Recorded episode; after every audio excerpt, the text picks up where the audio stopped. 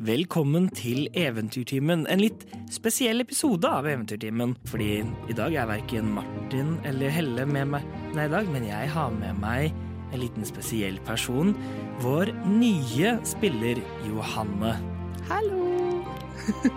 Så det som skal skje litt denne episoden, er at vi skal både eh, snakke litt om hvordan Johanne har opplevd det å lage en, ny karakter, men spesielt knyttet opp mot det å gjøre, det i en allerede etablert kampanje. Vi skal også gå litt gjennom hvor denne historien vi spiller foregår, og litt hva som har skjedd for å, så både Johanne og alle dere som en, enten har glemt det, eller som har begynt litt sent og ikke har giddet å høre på de første episodene, er up to speed på hva som foregår. Og også helt, helt på slutten så skal vi også rulle statsene til Johannes karakter. Så vi skal sta starte med å, å snakke litt om, om verden vi befinner oss i, og historien som foregår der. Vi befinner oss i Alsandra, på kontinentet Ergos. Og på Ergos så befinner vi oss mer nøyaktig i det sidonske imperiet, som ligger på vestsiden av kontinentet. Det sidonske imperiet det strekker seg over to hovedområder. Sandmarkene og grønnkysten. Sandmarkene er et barskt ørkenlandskap med sanddyner og stepper, men også oaser og andre gjemte lommer av liv. Ved østsiden av sandmarkene står Skymuren, en høy fjellkjede som strekker seg parallelt med vestkysten, med bare noen få fjellpass som lar reisende komme seg trygt igjennom. På den andre siden av fjellene ligger grønnkysten. Dette området, er rikt med fukt som blåser inn fra havet, er et eh, frodig område med dype grønne skoger og rullende åser og sletter. Etter en, en lang annektering og overtagelse av de siste områdene i grunnkysten og i Skymuren for rundt et århundre siden, har nå imperiet ledet av keiserinne Litoniel Sidon vært i en gullalder. Og dette er da området som vårt eventyr foregår i. Og eventyret starter i byen Bronsspiss, som ligger på grønnkysten helt vest mot havet. Den byen sitter på toppen av en klippe som strekker seg ut mot havet. Og det er her vi starter med å møte våre eh, tre eventyrere. Vesper, Nix og Faustus. Vesper, Nix og Faustus møter hverandre i vertshuset Den brukne tann, hvor eh, de ser to folk som eh, driver og slenger dritt mot en høyalv. De går han i unnsetning og får jagd dem bort. Eh, Høyalven introduserer seg selv som Ra Rafael. Eh, Litt senere her så blir det annonsert av en, av en tiefling som kommer inn, om Androfas arkaniske antikviteter, som er en vandrende utstilling som nå er i byen. Eh, Ra- Rafael forlater dem og sier at han har noen ting, møte, noen ting han må få gjort, men at han kunne møte dem ved der utstillingen skulle være. Eh, Denne nye gruppen drar til utstillingen sammen, hvor de ser mye eh, forskjellige gamle antikviteter ute i monteret, men ikke noe tegn til Rafael. På et punkt så skulle, skal Androfas introdusere seg selv, og de ser da han som ble introdusert til dem som Rafael, stå der og vise frem forskjellige magiske ting som han hadde funnet på sine reiser. Men, et, et, men plutselig så kom det en gruppe med goblins som eh, angrep og tok kisten til Androfas, der hvor han, han oppbevarer alle sine forskjellige magiske relikvier. Byvaktene, eh, kalt Tronsverd, ble, eh, ble kalt inn, og de tok Androfas eh, til arrest for å prøve å finne ut hva som hadde skjedd. Og Androfas sendte ut en hemmelig beskjed via tieflingen til gruppen om at de måtte hjelpe ham med å finne denne kista. Gruppen blir også introdusert til kaptein Kregor Stormsky, som er kapteinen for tronsverdene i Bronsby, så de eh, går til han og blir en del av etterforskningen. De leter rundt og finner etter hvert noen spor eh, som, led, som til slutt leder dem til sjefen for denne operasjonen, en bugbear, som satt eh, og voktet kisten. De klarer å ta ut, ut bugbearen og frakte kisten og, og bugbearen som de har tatt til fange, til tronhånden, lederen for, by, eh, for byen i keiserinnens sted. De avlegger sin rapport og, og, begynner, og bygger eh, litt, go, litt godtro hos da både kapteinen og tronhånden. Men ut, før de leverer fra seg kisten, så tar Nix ut en liten jernstang som hun fant inni der, som hun hadde fått beskjed av en figur som eh, prater til henne, hennes Warlock patron, om at denne var en ting som hun måtte skaffe. Videre så blir de spurt om å gå ut og utforske en gruve som byen ikke hadde hørt om for noen dager siden. De gruppen reiser ut, og etter en, en god dags reise kommer ut til denne gruven. Hvor de oppdager at alle de som jobbet der, er blitt drept, og det nå er inntatt en gruppe med orker og gobliner. De, ved bruk av litt sjarmerende magi, eh, klarer å bli venner med en av orkene, eh, som forteller om at en samling av lederne av de forskjellige klanene opp, oppe i i fjellene har samlet seg her. Da gruppen hører dette, så snur de og tenker at dette er utenfor deres vektklasse, men en beskjed eh, gitt av en av goblinene om at de var der, får dem til å bli jagd av gårde gjennom skogen. Og etter en lang eh, jakt gjennom natten, så kommer de til slutt trygt tilbake til byen. De avgir beskjeden sin til, til kaptein, kapteinen og tronhånden, som skriver en lapp og gir dem en beskjed som de skal gi til tronhånden av den andre store byen, Skipsport. De tar båt og reiser over til skipsport over mange dager, og møter bl.a. en blindpassasjer med navn Finley, som har sneket seg om bord. I, I, tillegg til at, blir, at, skipet blir angrepet av en gruppe med sauhagin, eller sjøjævler, som det kalles. Gjennom, gjennom reisen så, eh, så byg, bygger de opp en, en, form for samarbeid med denne Finley, før de også retter ham ut til kapteinen av skipet og får ham fanget. For, for de så får kapteinen til å la dem skulle bringe ham til tronsverdene inne i byen. Det, det, får de lov til, og når de kommer til skipsport, denne store by, eh, byen, eh, så eh, tar de ikke med Finley til kapteinene, men tilbake til hans hjemmested, mot, mot at han skulle love at de skulle få møte sjefen hans om et par dager. Gruppen fikk gjort noen småærer rundt om i byen, og hvor bl.a. de fikk gitt beskjeden til tronhånden i, i skipsport, Hector Pontoppidan. Og på et, et vertshus der, Havets skum, så møter Faust en gammel kjenning fra fortiden hennes. Eh, en annen satyr kalt Gretchen. De har, de har korte eh, samtaler hvor man får med seg litt av fortiden deres. Og Nix kjenner også på en ny dragning mot et hus inne i byen, som hun lærer er Galvani-residensen. Gruppen får et oppdrag fra eh, tronsverdene om å utforske noen eh, mystiske lyder som er hørt nede i kloakken. Etter litt utforskning og angrep av rotter finner de en hobgoblin og en goblin som sitter nede, og goblinen driver og risser noen symboler nede i bakken. Gruppen går til kamp mot dem og klarer å jage dem, eh, jage dem bort med, med, at de teleporterer unna. Og gir, beskjeden, beskjeden om dette til, til tronhånden, som får sendt inn en hoffmagiker fra hovedstaden Oase til å se på disse. Magikeren ser på symbolene før hen teleporterer tilbake til byen for å gi sin rapport. Og kvelden, eh, kvelden kommer da, og, og Faustus blir angrepet av noen som er ute etter no noe eh, som han mente Faustus hadde stjålet. Et skjøte. Faustus visste ikke hva han snakket om, og klarer å komme seg unna, også med hjelp av Nix, som heldigvis var ute og gikk akkurat da. Og Faustus finner da det, det, hva denne mannen snakket om, et skjøte gjemt inne i klærne til Ambrosius på Doppedan, eh, som er trolovet med Gretchen og sønn av tronhånd Hektor på Doppedan. Den, eh, de bestemmer seg da for å bytte vertshus til et eh, litt mindre fancy et, og det er der historien fram til nå er. Så ja, det er det som har skjedd. Har du noen tanker om det du har hørt nå, Johanne? Du, det der var uh, mye å henge meg på. det her er Det blir veldig, veldig gøy å komme inn i historien, uh, kjenner jeg, og uh, få bli kjent med Vesper, Nix og Faustus. Mm. Jeg gleder meg veldig, veldig til å komme og både bli kjent med dere uh, her i Eventyrtimen, og for karakteren min å få bli kjent med karakteren deres. Det gleder jeg meg til. Hei, Redigerings-Mikael fra Fremtiden her. Da vi spilte inn denne episoden, så var vi usikre på om den skulle ut før eller etter Johannes' introduksjon i kampanjen. Derfor snakker vi her uten å nevne noen detaljer om karakteren hennes. Dere som har hørt episoden, vet allerede mye av det vi unngår her å si, men for dere som ikke har hørt episoden, så er dette spoilerfritt.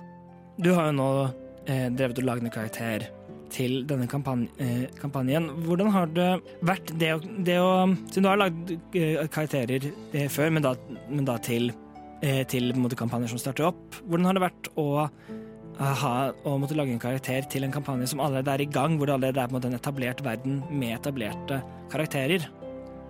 Du, det har definitivt eh, gjort at jeg tenker litt mer over min karakter sin rolle eh, i partiet og i, eh, i gruppa og i kampanjen. Der er jo noen sånn tanker og regler som man kanskje vil. Man vil gjerne ha en cleric, eller i hvert fall noen som kan eh, helbrede. Eh, man vil ofte eh, ha noen som kan gjøre ganske mye eh, damage og Eller skade. og noen som er mer på magisida eh, er det jo ofte. Og det vil man jo kanskje tenke over, uansett om det er en ny eller en etablert kampanje. Men kanskje enda mer når det er en etablert kampanje, så vet man OK, her har vi en karakter som er cleric. Vi vet at Vesper er cleric, så uh, han kan helbrede, og det gir på et vis uh, noen sånn Kanskje litt sånn OK, her føler ikke jeg for å lage en cleric, for man trenger ikke nødvendigvis to i, så, i en så lita gruppe. Og sånn, og så gir det samtidig veldig frihet, uh, fordi det betyr at jeg kan leke meg veldig innafor de rammene jeg har, da. Um, jeg uh, ser veldig på at, at jeg liker å lage karakterer som jeg har en viss um, Det norske ordet 'connection'. Uh, Tilkobling? Knytt, ja, en, en, karakterer som jeg kan føle en, en, veldig naturlig tilknytning til, da, og som på en måte jeg føler at jeg kan spille, uh, og som jeg har lyst til å utforske kanskje aspekter av meg sjøl eller sider med meg sjøl som jeg ikke får utforska i eh, andre eh, arenaer, da. Og eh, det, det samme gjelder på en måte enten jeg skal lage en karakter til en ny setting eller ikke så er det samtidig utrolig, utrolig deilig å få komme inn i en verden som er etablert, eh, og vite allerede litt hvilke regler er det man jobber eh, innafor her. For det er jo ennå en at når man kommer inn i en helt ny verden og skal ha en kampanje der, så må man veldig lære seg etter hvert som man går. Hvordan fungerer denne verden? Det er ikke alltid det de vet heller, på en måte. Eh, I hvert fall hvis det skal være et ganske lite spill i starten, så vet man ikke hvordan er ståa her i verden, eller hvordan er det større verdensbildet. Og det har vært utrolig betryggende da, å komme inn hit, og, og du som veldig dyktig i det, men du vet veldig mye av eh, hva denne her verden her er, og hva den består i, så vi kan ta valg i lag om hvor er karakteren fra, og hva betyr det for den karakteren? Eh, og det er vel et, et uttrykk man snakker om at eh, avgrensing fostrer kreativitet. Uh, og det er noe jeg veldig har sett, altså sånn så at man kanskje er litt avgrensa i at jeg har ikke lyst til å spille en cleric eller en warlock, for det er begge to eh, karakterer som vi allerede har, og hvor det kan være kjempegøy og veldig interessant, så er ikke det nødvendigvis den kampanjen vi har lyst til å spille. Um, så vi har lyst til å få noe annet inn til bordet, og noe annet inn til gruppa. Um, så da gir jo det fremdeles utrolig mange muligheter. DND er et svært spill som man kan gjøre hva som helst i. Uh, men det har vært utrolig, utrolig gøy å få lov til å lage en karakter som man kan tenke litt da, hvordan kommer denne karakteren her til å relatere til karakterene som allerede finnes? Eh, hvordan kommer karakteren til å reagere på og relatere til Vesper og Nix, eh, som allerede eksisterer i verden? Gjorde du deg noe kjent med hvordan disse andre karakterene i, pa, i partiet hvordan de måtte oppførte seg, eller hvordan dynamikken deres var da du lagde, din, så du måtte kunne lage noe som enten kontrasterte eller, eller jobbet sammen med, eller, eller, ville du måtte lage den karakteren din i, i, dette, i et vakuum først, og så la, la deg måte, oppdage hvordan denne foregår med den andre karakteren? Uh, kanskje et sted litt midt imellom. Um, jeg uh, har ikke Jeg har aldri på en måte hørt på en episode av Eventyrtimen, litt nå med vilje, da, for jeg vil ikke ha kommet inn med altfor mye um, altfor mye følelser eller tanker om hvordan dynamikken er i partiet, for jeg vil gå inn litt blind. Men jeg har definitivt prata med dere i redaksjonen litt og, og fått litt følelse av, av hvilken type party er det, og, og ja, sånn helt basic uh, mechanics. Altså det, det, helt sånn grunnleggende mekaniske om hvem spiller de eh, i forhold til klasse og, og sånn. Og så tenkt litt over hm, hva kan være gøy å spille opp mot det. Eh, det lille jeg på en måte har hørt om de, og så samtidig kun gå inn og virkelig få treffe karakterene deres sammen med karakteren min. Så det er en litt sånn midt på treet, midt imellom-situasjon. Eh, Hva har vært det mest utfordrende med det å bygge en karakter? Eller bygge denne karakteren her, da, med, med kanskje mer spesifikt. Um, jeg har knyttet opp, opp mot enten det vi snakka om tidligere. Um, oi, det tror jeg Jeg tror jeg sjelden har laga en karakter med så intrikat, intrikat bakhistorie. Um, og av flere grunner. Uh, en ting er jo karakteren min har veldig, veldig stor familie. Uh, så det har gjort at jeg har måttet lage veldig mange navn og veldig mange, veldig mange mennesker, veldig mange karakterer, egentlig, uh, inn i dette. Jeg måtte lage personligheter og fått familien her til å gi mening. Så det har, det har vært interessant og litt utfordrende. Og så snakka vi litt om det før, før jeg laga denne karakteren, at innen jeg kommer inn i spillet, så er vi level 4. Um, og bare hva er det som har fått karakteren her til level 4 på egen hånd før, eh, før de møter partiet? Og før de kommer inn i denne etablerte historien, eh, så fant vi ut at vi vil at det skal være Eller jeg fant ut av sammen med deg at vi vil at det skal være en en historie som ikke bare er at hun har blitt level 4 ut av det blå, men at det er noe som har bygd seg opp. Uh, og der er en historie bak. Så det har vært uh, veldig gøy og litt utfordrende. Det har plutselig vært veldig mye å skulle bygge. um, uh, er utrolig artig. Jeg elsker karakterbygging, så, så, det. Um, og så er det et element ved karakteren som jeg ikke har spilt så veldig mye før. Uh, som har vært veldig spennende å utforske, uten at jeg vil si for mye om det. Vi kan fortsette litt om det om å bygge karakter. Ja. Hvordan går du fram for å bygge en karakter? Um, jeg kommer veldig mot karakterer i Dungeons and Dragons som en karakter i det at jeg kommer inn i dette som skuespiller. Um, så måten jeg bygger karakterer på, er veldig tydelig. Uh, hvem er disse som person og som folk, før jeg stiller det inn mot hvem, hva er deres rolle i spillet. Hva er den mekaniske rollen til karakteren i spillet. Uh, jeg vil alltid starte karakterbygginga mi med et konsept. Um, og kan jo gi et, et, eldre eksempel. Jeg hadde et konsept for en karakter som jeg dessverre aldri har fått spilt. Det tror jeg de fleste Dungeons Dragons-spillere kan kjenne seg igjen i. Alle de ubrukte karakterene som ligger et eller annet sted bortglemt. Eh, stakkar. Men jeg laga en karakter som jeg vil ha et konsept til, eh, og konseptet var da eh, en historisk gjenskaper, altså historical reenactor, som er en gjeng som, som, jeg ikke nødvendigvis har vært veldig aktiv i sjøl, men som jeg kjenner mange som er aktiv i eh, det miljøet. da. Og det var noe som jeg følte at eh, er gøy, noe som passer inn i Dungeons Dragons sin verden, og noe som jeg følte at jeg kunne prate om og spille ganske autentisk og naturlig. Um, så sånn type at jeg vil gjerne starte med i hvert fall ett element av OK, dette er noe som kan beskrive den karakteren, før jeg begynner å tenke på hvilken klasse de skal være, før jeg begynner å tenke på hvilken rase. Og der kan det på en måte Noen ganger så går jeg derfra og ser OK, hvilken klasse vil passe best til dette. Og andre ganger så fortsetter jeg å bygge de ut som karakter. Eh, men det, men det starter alltid med hvem er disse som, som en person heller enn hva skal jeg spille. Eh, og det tror jeg jo er fordi jeg nok en gang jeg kommer mer mot dette fra eh, et skuespillerperspektiv heller enn et videospillperspektiv eller andre typer spill. Godt svar. Takk.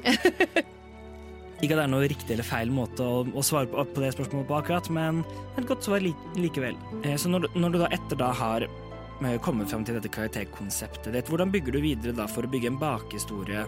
Og sånn da du har Du vet hva slags karakter til deg, hva du vil ha, med, og du har funnet ut hva slags eh, hva slags klasse det skal være. Hva, hva, hvordan går du videre derfra? Det er et veldig interessant spørsmål. Eh, og jeg tror, som det meste annet, så vil det variere litt fra på en måte spill til spill, karakter til karakter. Eh, men jeg tror ofte at jeg alltid leter etter grunner til eh, Jeg prøver alltid å lete etter grunnen til at de har det elementet i måte det mekaniske spillet. Eh, vanskelig formulert, men Finne en, en, en narrativ forklaring Ja. på, på, på da, mekaniske evner, da. Ja, Um, så hvorfor er de den klassen de er? Um, spørsmålet når jeg lager, kan jo bruke den historiske reenacteren min som et, uh, et eksempel, bare fordi det var det jeg nevnte nå. Der ble spørsmålet etterpå eh, Jeg har funnet ut at eh, de skal være en changeling, jeg har funnet ut at de skal være en bard, eh, og så er spørsmålet da Hvorfor er karakteren en bard, og hvorfor, hvordan har det at de er changeling, um, affektert livet deres? Um, og jeg tror kanskje det er sånn den Hvorfor er de i den klassen de er, og hvordan har det å være rasen de er, eh, eller den eh, arten de er? Hvordan har det hatt en innvirkning på livet deres? Eh, for eksempel så er det jo Man er kanskje en College of Law-bard fordi man har sittet rundt bålet mange, mange en kveld eh, og lytta til historiske fortellinger og folkemusikk og delt historie, delt livsvisdom, eh, delt kunst eh, og sang sammen, som jo da eh, passer veldig fint inn i Bard-klassen. Og eh, det å være changeling har kanskje i en verden som ikke har så mange changelings, hatt veldig en innvirkning, vært litt frykta, holdt seg litt sånn i bakgrunnen og eh, endra utseende for å passe inn. eh, og for å, å ikke stikke seg ut så veldig mye. Eh, og det er jo kanskje på noen måter veldig stereotypisk, men det tenker jeg av og til så må man bare elske klisjeene og kose seg med stereotypene, gjøre de til sine, sine egne, heller enn å hele tida skulle drive og ønske de bort. Ting er klisjeer av en grunn. Bruk dem. Absolutt, og jeg tror jeg også sjøl i starten av Dungeons and Dragons var sånn ja, jeg vil, eh, jeg vil endre på hva som er forventa, og sånn, og så er det sånn Men det, det passer så fint uh, å, å ha det litt stereotypisk, å ha litt klisjeer. For som du sier, de er der for en grunn. Um, så jeg tror det er på en måte de to spørsmålene der, hvordan ble de til, uh, og hvordan uh, og hvorfor ble de til, altså basically. Um, så det er kanskje de to sånn, viktigste spørsmålene som jeg spør meg om klasse og sånn. Og så vil jo det da veldig naturlig bygge seg ut til en bakhistorie. Eh, om kanskje hvis man noen gang ser på det mekaniske, kanskje man ville vært en street urchin eh, som bakgrunn, og, og mye Eh, Det kan også gjøre at man, hvis man da er en spellcaster, så, så vil man naturlig gå for OK, du er kanskje ikke en person som gjør så veldig mye damage med spillene dine. Du prøver å være karismatisk og gli inn, og, eller gjemme deg, og eh, dermed kanskje går tyngre på stealth, og på en måte alle sånn Alle ting du velger mekanisk i spillet, bør ha en forklaring og en grunn. Og av og til så gir ikke det helt mening for det rent mekaniske i spillet. Av og til så ser jeg at OK, jeg burde hatt mer damage, kanskje. Men akkurat der karakteren min er nå, det kan komme seinere, når vi på en måte begynner å faktisk skal slåss litt, og de ser at det er veldig nyttig og veldig fint å ha. Men akkurat der karakteren er nå i livet, så gir det masse mer mening å ha en hel masse disguise self og charm person for å kunne komme seg ut av situasjoner med minst mulig skade til seg sjøl og andre. Og det uansett hva man spiller, så tror jeg alltid det hjelper å ha veldig sterk knytning mellom eh, hva er det du spiller, og hvorfor spiller du det. Fordi det gjør at da karakteren gir mening. Uh, og de gir mening kanskje da inn i verden, for å trekke det litt tilbake til det vi snakket om tidligere også. Det er derfor det er så utrolig fint å ha en etablert verden og kunne bygge karakteren inn i. For da kan jeg bruke det. Da har vi også et samfunn som karakteren eksisterer i. Vi har uh, Eller jeg har, nå når jeg bygger karakter, så har jeg en etablert verden å sette inn i. Jeg har sammenhenger. Jeg har grunner, og jeg har Verden har en historie som kan gi meg ideer og gjøre det naturlig for at karakteren min er sånn fordi de har vokst opp der, eller den typen. Og det er utrolig, utrolig fint å ha um, der også, og, og, da vil karakteren føles veldig naturlig. Um, det er jo kanskje et litt omstridt spørsmål der her med alignments og, og, sånn. Mange liker de, mange liker de ikke. Jeg ser på de veldig som en sånn god eh, veiledning, kanskje i hvert fall i starten. Eh, men også så vil, hvis du har en karakter som er god i bunnen, så vil alignmenten gi veldig mening, og du klarer naturlig å spille den fordi det er ikke alignmenten som bestemmer hva du gjør, det er hvem karakteren din er, og hvorfor de er den de er. Og det vil da i, til gjengjeld gi mening. Så mm. Hva er din mening om alignments? Sinn inn til oss og bli med i denne diskusjonen. Liker du dem, liker du dem ikke? Bør man følge dem, eller er de et relikvie av fortiden? Veldig gode spørsmål. Veldig ja. gode spørsmål, Mikael.